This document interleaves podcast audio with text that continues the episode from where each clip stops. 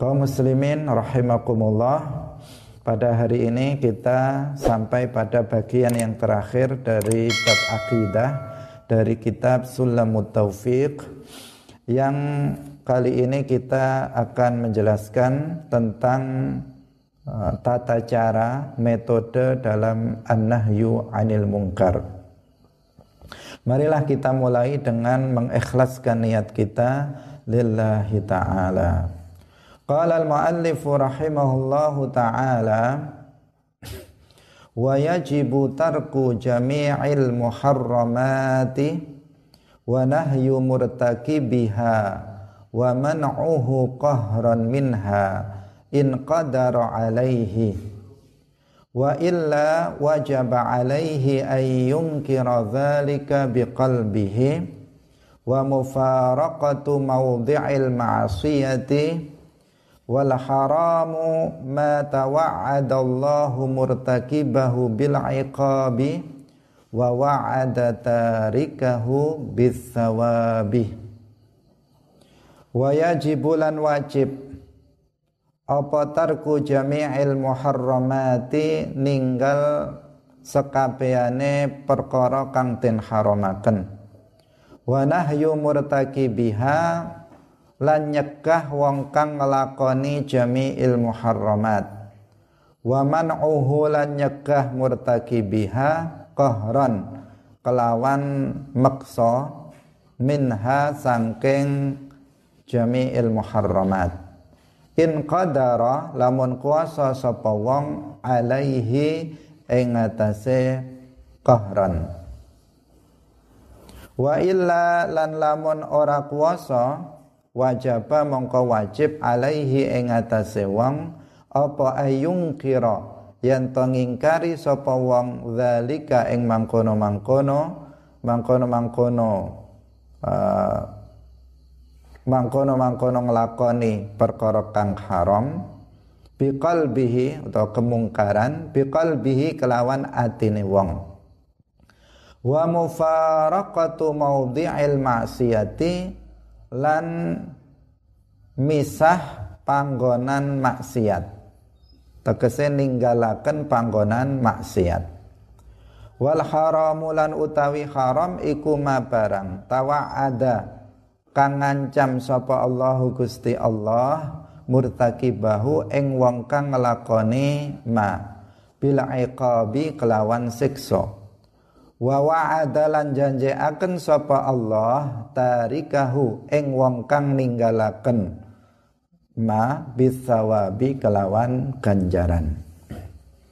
Kaum muslimin pemirsa yang dirahmati oleh Allah Subhanahu wa taala wajib bagi setiap mukallaf meninggalkan semua perkara yang diharamkan.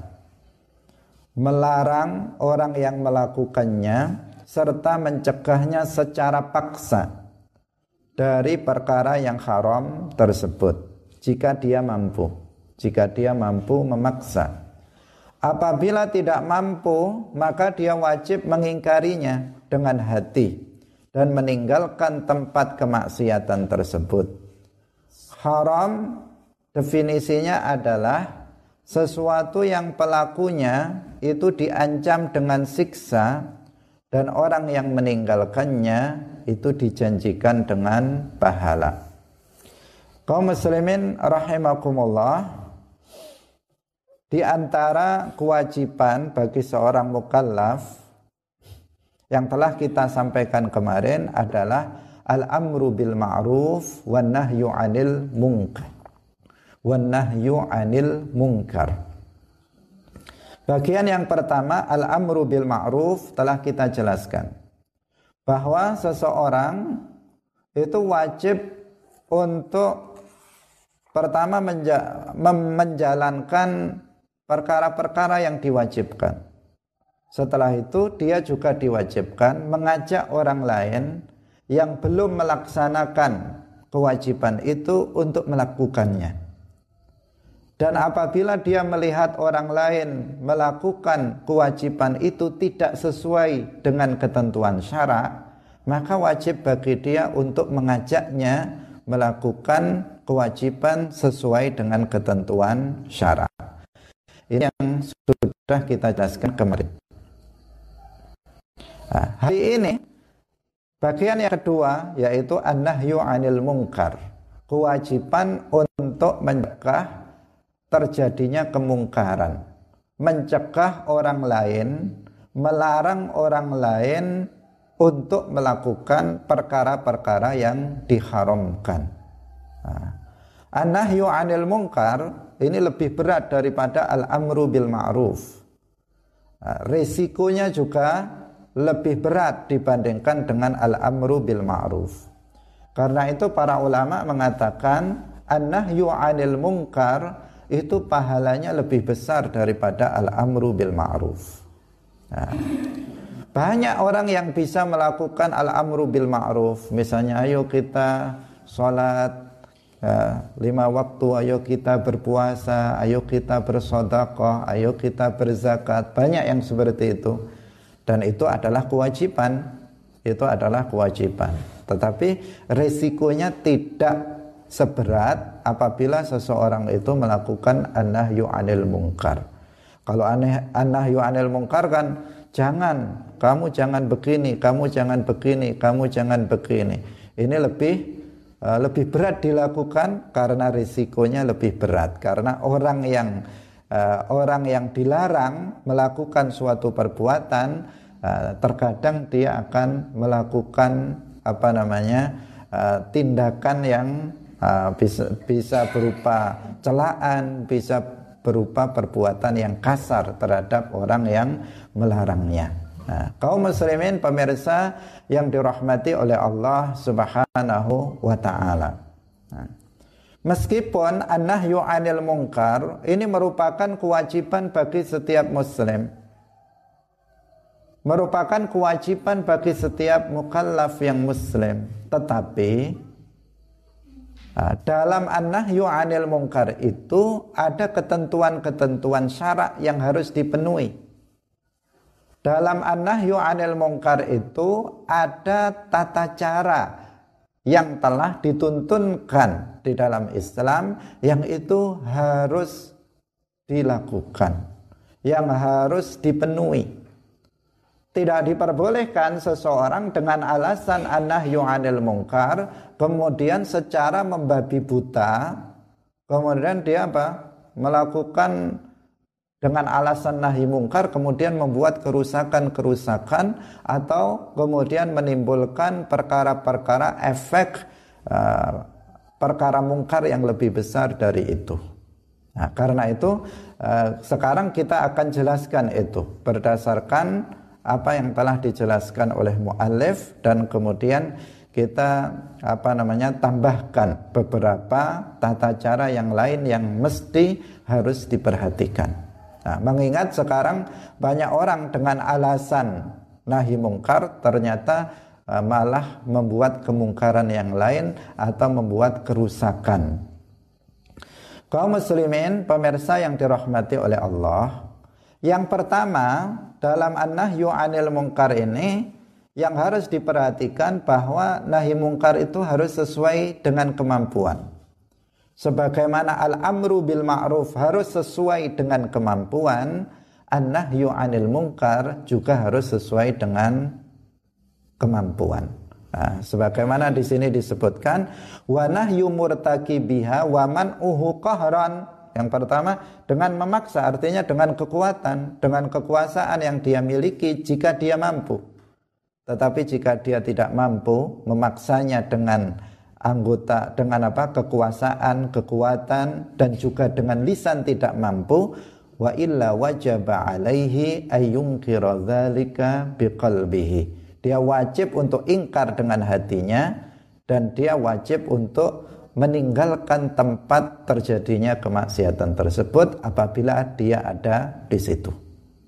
Nah, maka berdasarkan ini berarti dalam an-nahyu 'anil munkar Ketentuan pertama yang harus diperhatikan oleh seseorang adalah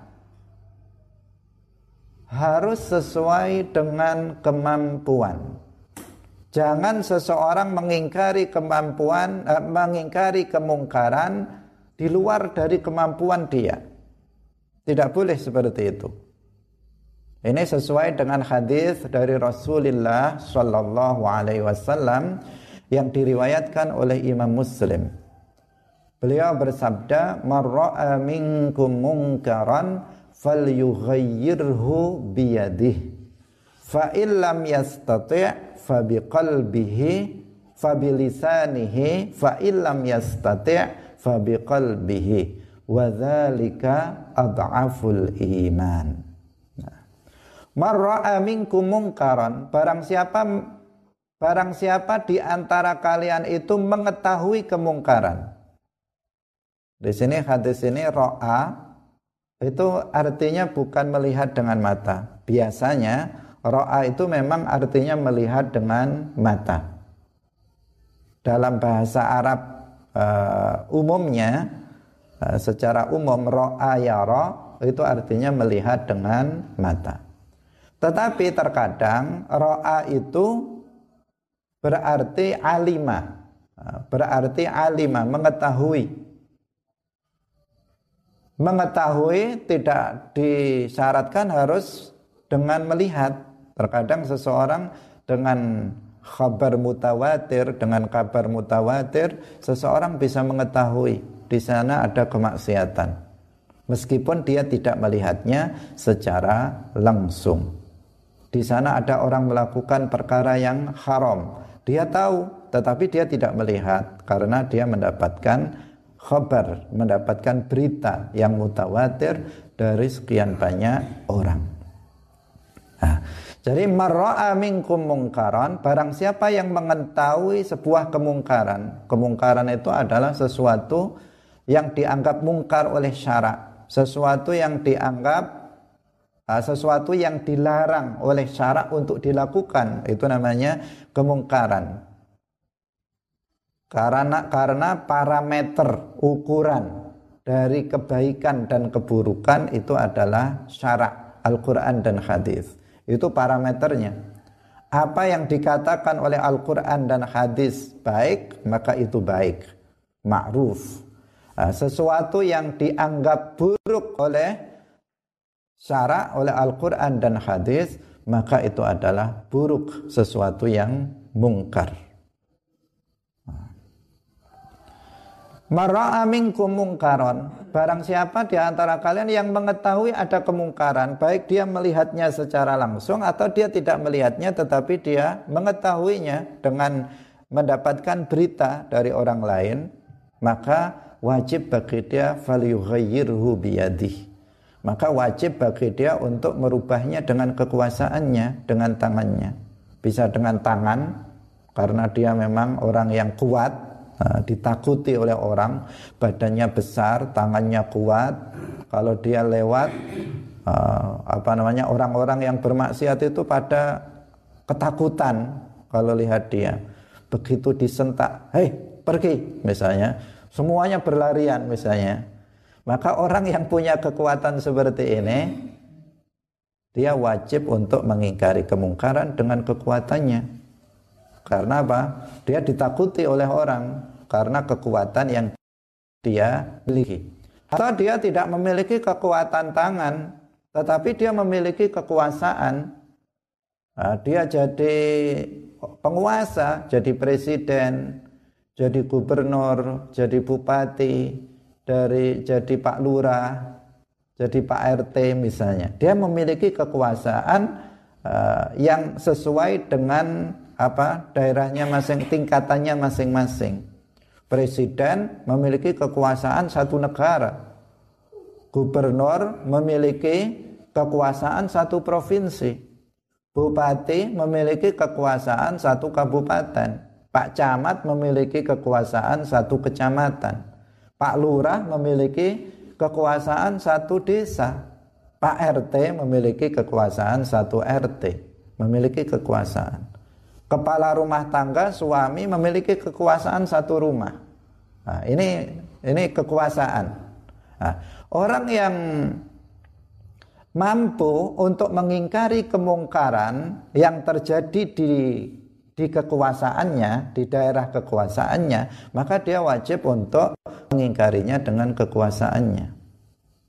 Misalnya presiden, nah, dia memiliki kekuasaan.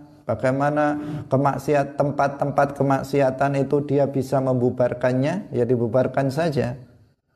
Dia bisa tinggal tanda tangan saja, diputuskan, udah bubar, nggak boleh lagi. Ini nggak boleh lagi, nggak boleh lagi. Selesai.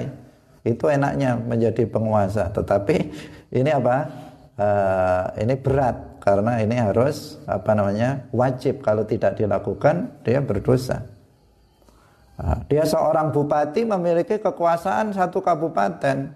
Di daerahnya ada ada kemaksiatan dilakukan, dia tahu di sana misalnya terjadi ada uh, ada perzinaan di sana, tempat-tempat untuk perzinaan, maka dia harus bertindak untuk mengingkari, mencegah terjadinya kemungkaran di daerah kekuasaannya dengan kekuasaan yang dia miliki.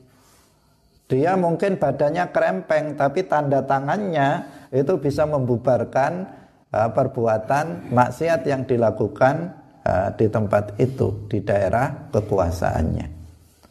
Kaum muslimin pemirsa yang dirahmati oleh Allah. Nah, jadi tidak mudah menjadi orang yang memiliki kekuasaan itu karena dia memiliki kewajiban an-nahyu anil mungkar uh, pada uh, daerah kekuasaannya. Dan semua orang me memiliki kekuasaan itu sesuai dengan tingkatannya masing-masing.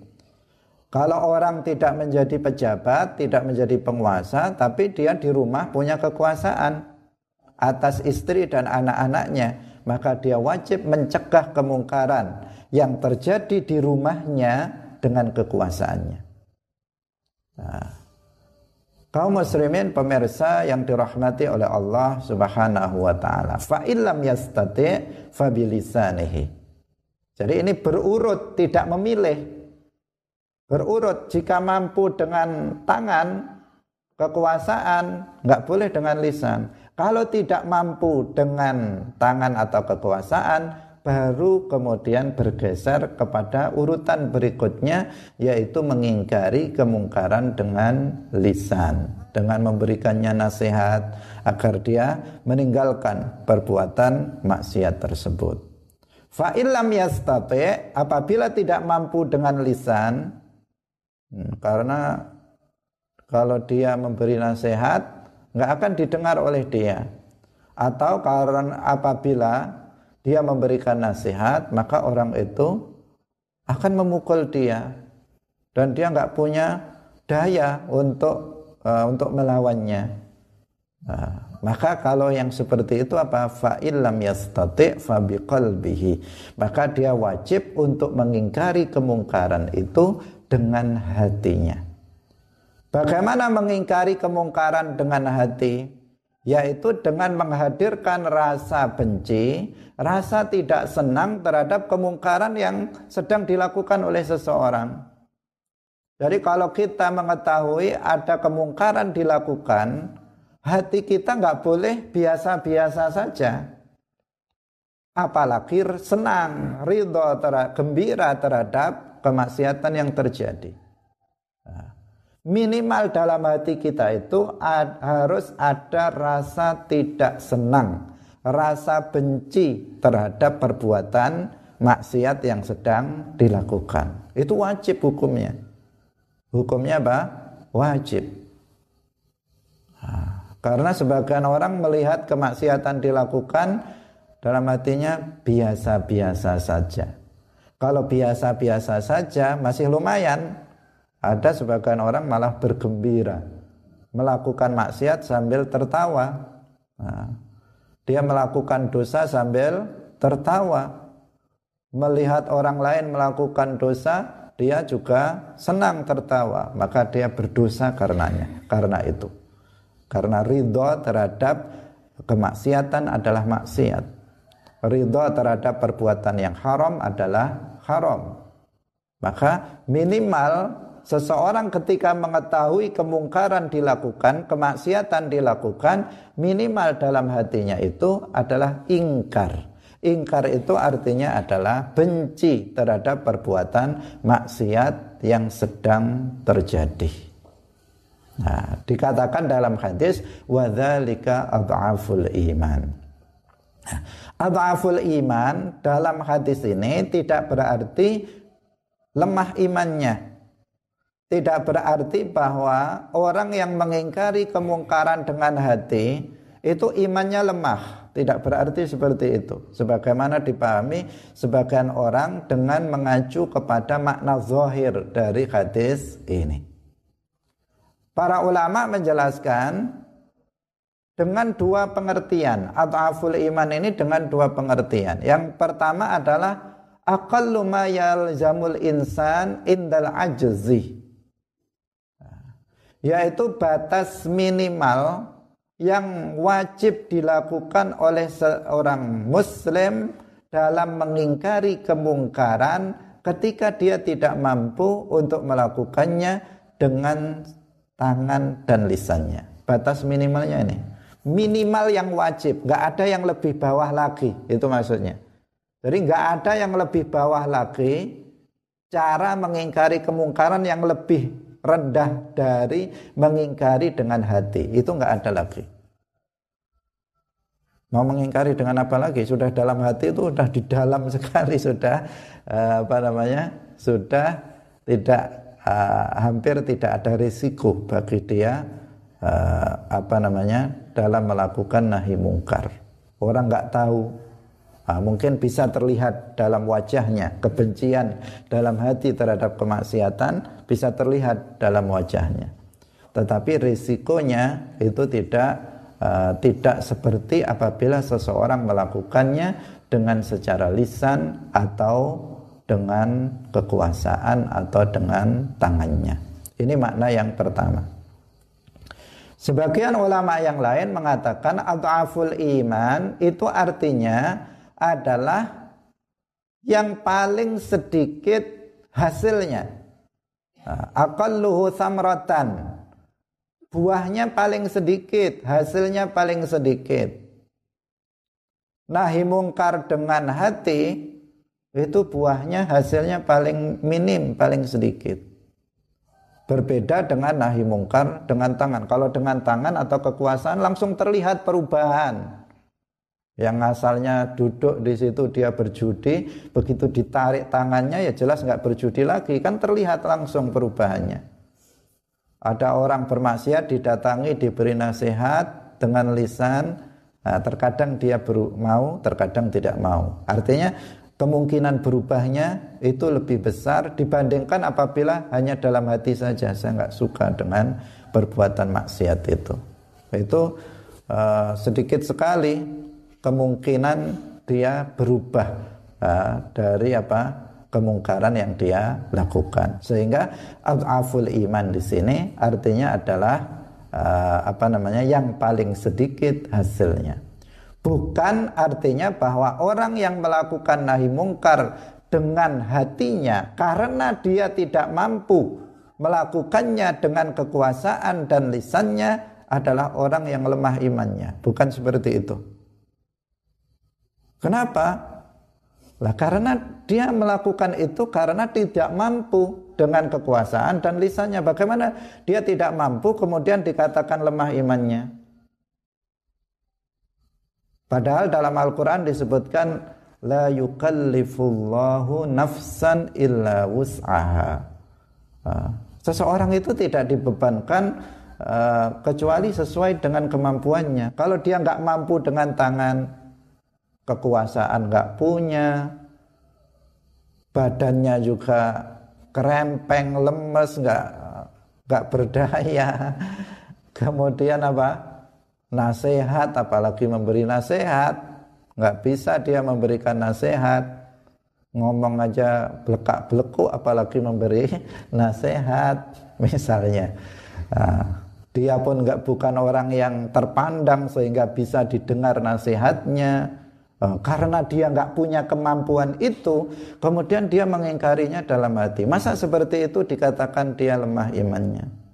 Padahal dia melakukannya, dia masih melakukannya tetapi sesuai dengan kemampuan dia.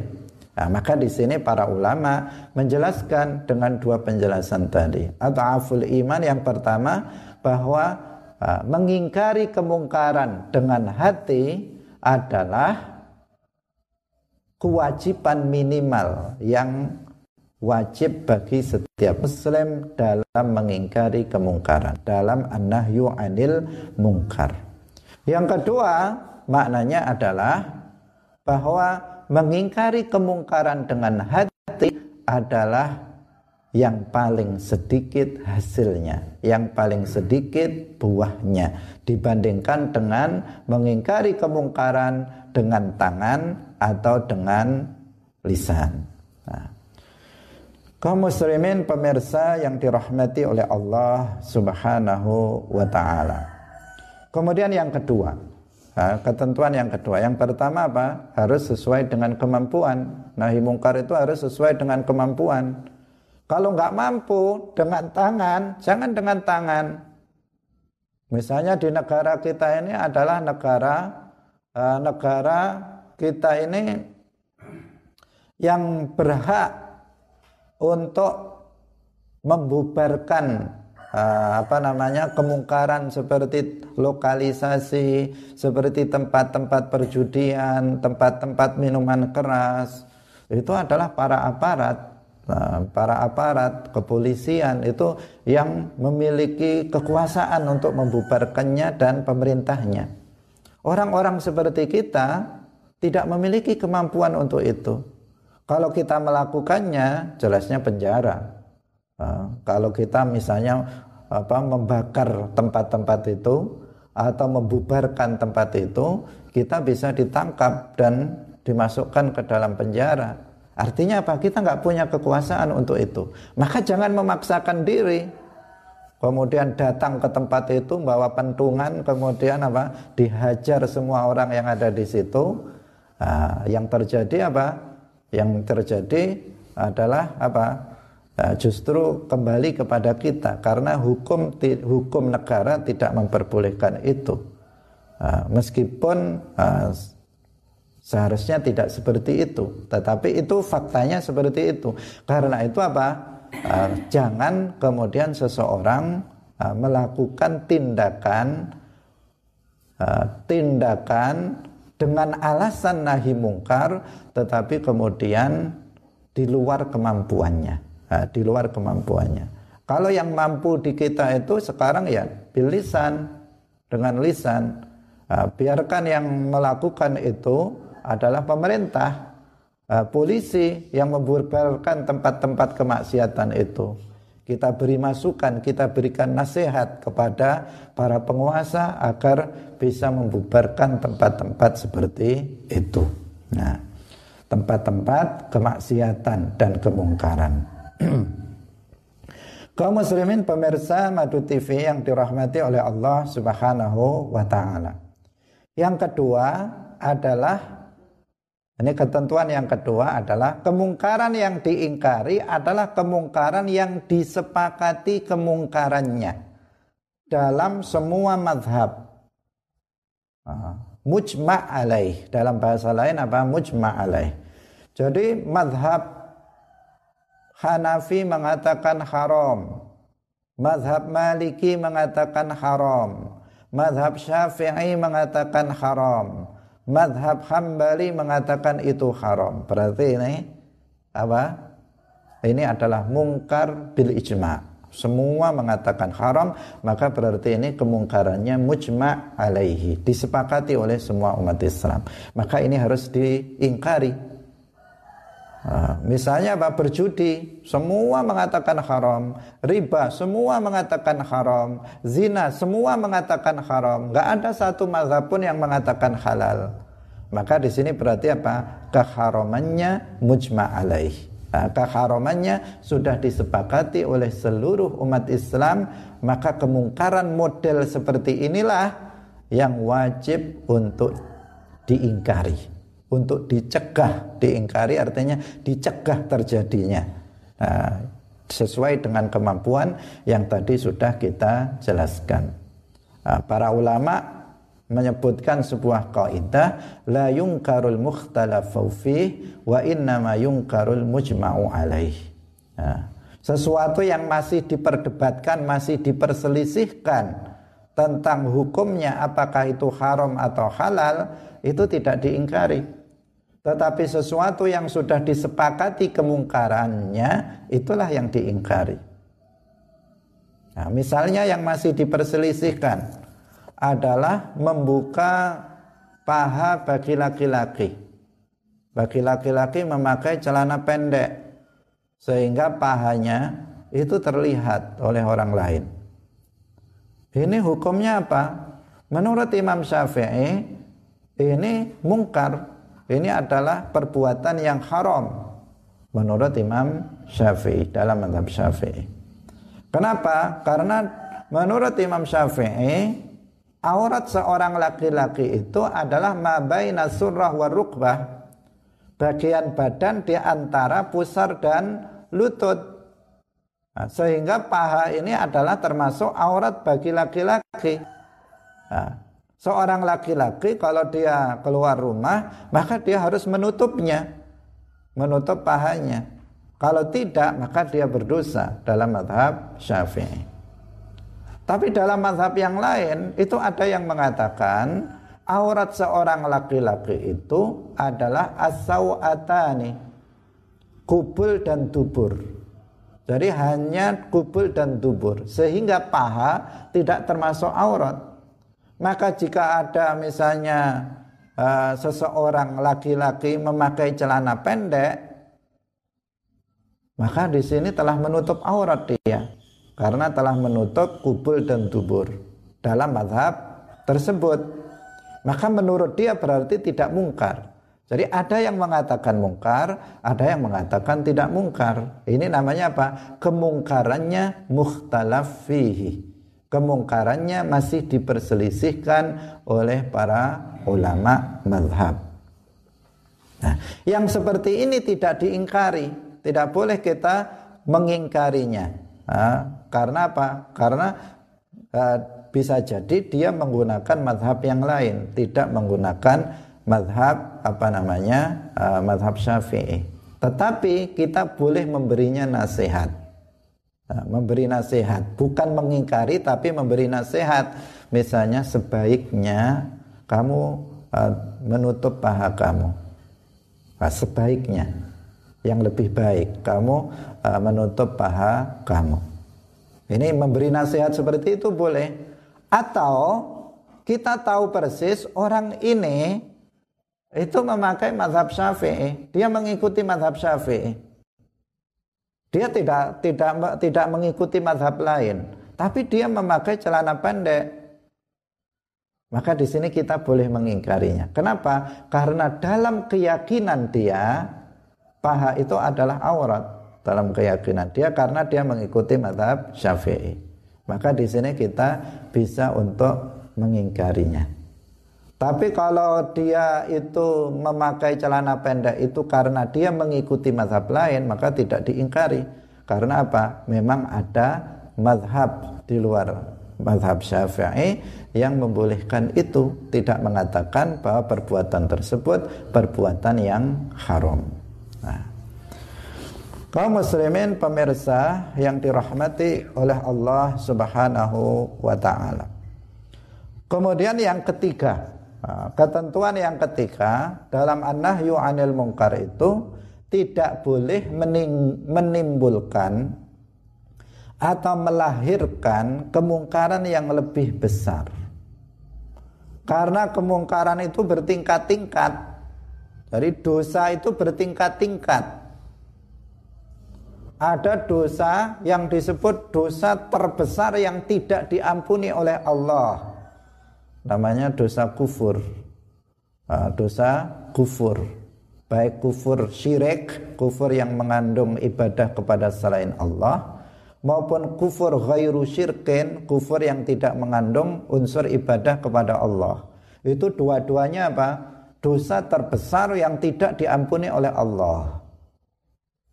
Nah, jadi kufur itu ada dua macam. Ada kufrun syirkun kufur yang meng, uh, mengandung unsur syirik. Seperti misalnya seseorang sujud kepada selain Allah, misalnya sujud kepada berhala. Nah, sujud kepada manusia untuk ibadah. Ini namanya apa? Kufur yang mengandung unsur syirik. Nah, ada unsur syirik itu artinya apa?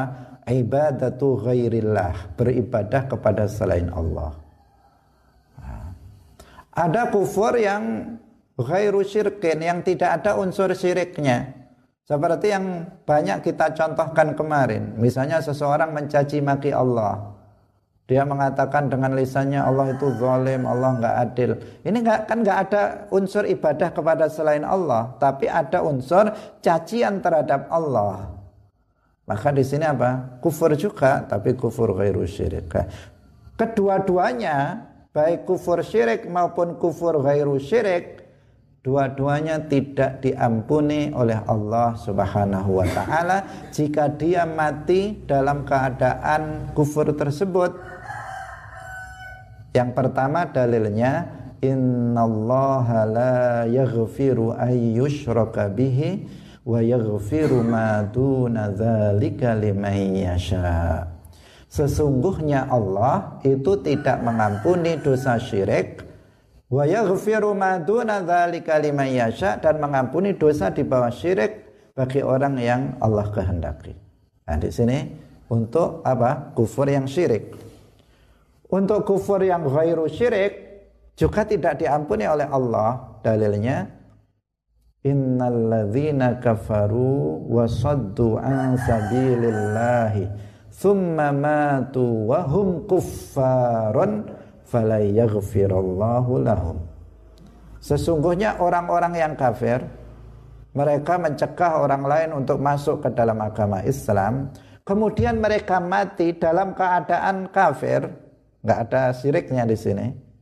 Nah, lahum maka Allah tidak akan pernah mengampuni mereka yaitu jika dia mati dalam keadaan kufur itu kalau dia masih hidup kemudian dia mengucapkan dua kalimat syahadat kembali kepada Islam maka masih bisa diampuni tapi kalau dia dalam kekufuran sampai mati maka di sini dia tidak diampuni oleh Allah Subhanahu wa taala ini apa? Ini kemungkaran yang paling mungkar. Kemungkaran yang paling mungkar. Nah. Kemudian yang bawahnya ada dosa besar yang disebut kabirah atau jamaknya kabair, dosa-dosa besar. Seperti meninggalkan sholat, seperti membunuh tanpa hak, seperti berzina, seperti berjudi, seperti minum khamr. Ini termasuk apa? Dosa-dosa besar, golongan dosa-dosa besar. Kemudian di bawahnya ada dosa-dosa kecil yang disebut dengan sohirah atau jamaknya sohoir. Nah, ini urutan berikutnya, dosa kecil. Nah, dosa kecil ini itu juga dosa Nah, wajib bagi seseorang itu untuk nahi mungkar dari semua dosa ini, dari semua maksiat ini, dari semua kemungkaran ini, apakah kemungkaran kecil, kemungkaran besar atau kemungkaran besar yang tidak diampuni oleh Allah. Jika seseorang mati dalam keadaan itu, semuanya wajib diingkari. Tetapi dalam mengingkari kemungkaran-kemungkaran itu, maka seseorang tidak boleh karena mengingkari kemungkaran dosa kecil, kemudian orang itu melakukan dosa besar. Tidak boleh seseorang mengingkari kemungkaran yang berupa dosa besar yang karena kita mengingkarinya dia melakukan kekufuran. Tidak boleh. Nah, misalnya, nah, misalnya ada orang ada orang sedang berjudi, sedang berjudi atau mabuk misalnya. Kita tahu watak dia. Kita tahu apa? Watak dia. Kalau diberi nasihat, maka dia akan menjadi-jadi, semakin menjadi-jadi. Kalau dia dibilang, "Eh, kamu jangan minum." Itu malah malah biasanya satu botol malah dua botol diminum kalau apa? Karena apa? Karena diberi nasihat, dia malah menjadi-jadi. Seperti disuruh, kamu jangan minum. Itu malah seperti disuruh dia. Model orangnya memang begitu. Maka kalau yang seperti itu, udah jangan, jangan diingkari. Karena apa? Minum khamr satu botol dengan dua botol, dosanya lebih besar mana? Lebih besar dua botol. Maka biarkan aja. Nanti kalau kita, artinya kita berubah menjadi mengingkarinya dengan hati. Atau misalnya Contoh yang lain, orang ini kalau diingkari, nanti dia akan mencaci maki Allah, akan mencaci maki Islam. Kalau dia diberitahu kamu jangan minum khamr, khamr itu haram. Maka dia akan mengucapkan dengan lisannya, dia akan mengatakan, apa itu Islam? Islam kok hukum Islam itu nggak baik. Masa minum khamr aja nggak boleh. Kalau sudah dia mengatakan perkataan itu itu perkataan apa? Perkataan kufur mencaci maki hukum Islam mencaci maki Islam. Maka jangan jangan diingkari.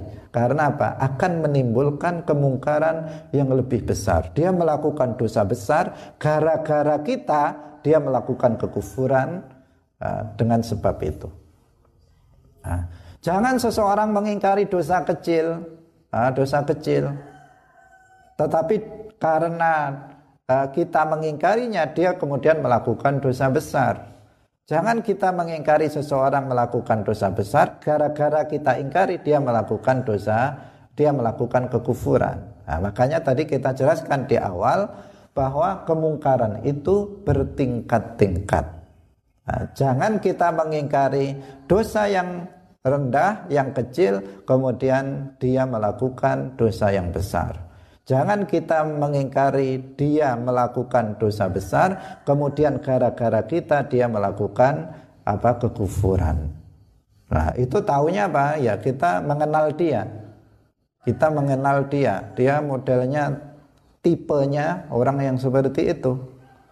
Nah, dengan dugaan yang kuat karena sebenarnya kan kita belum tahu kita belum tahu apakah dia nanti akan melakukan dosa yang lebih besar apa enggak. Itu kan enggak tahu. Tapi itu hanya berdasarkan dugaan yang kuat dari kita. Nah, tapi eh, tapi kalau enggak ada dugaan kuat jangan sampai seseorang kemudian eh, apa namanya berkata seperti itu. Ah nanti nanti dia mau begini nanti. Ya udah nggak usah diingkari aja Nah itu nggak boleh. Nah, kalau seseorang memiliki dugaan kuat bahwa orang itu akan menerima nasihat dia, maka dia harus melakukannya. Nah, dia harus melakukannya. Tetapi kalau dia dugaannya justru kalau dia mengingkarinya, maka dia akan melakukan kemaksiatan, kemungkaran yang lebih besar, maka dia jangan melakukannya. Nah, ini apa? Ketentuan seseorang di dalam an-nahyu anil munkar harus diperhatikan. Karena sebagian orang uh, mengingkari kemungkaran justru dari apa yang dia lakukan itu kemudian terjadi kemungkaran yang lebih besar. Karena apa yang dia lakukan kemudian banyak orang mencaci maki Islam. Banyak orang yang menghina Islam dan seterusnya karena perbuatan orang tersebut maksud dia baik untuk mengingkari kemungkaran tetapi ternyata justru berbalik orang itu dan banyak orang yang lain itu melakukan apa kemungkaran yang lebih besar dari apa yang dia lakukan. Ya. Jadi pertimbangan-pertimbangan ini dalam an-nahyu anil mungkar itu harus diperhatikan. Ya. Tidak boleh seseorang itu, ya, tidak boleh seseorang itu dalam an-nahyu anil mungkar itu membabi buta. Nah, membabi buta yang dimaksud di sini apa? Tanpa memperhatikan ketentuan-ketentuan yang tadi kita sebutkan. Yang pertama harus sesuai dengan kemampuan. Jangan melakukan nahi mungkar di luar kemampuan. Kemampuannya sudah kita urutkan dengan kekuasaan, dengan tangan, dengan lisan atau dengan hati. Nah, tapi tidak boleh sama sekali tidak mengingkari kemungkaran nah, minimal dengan hati.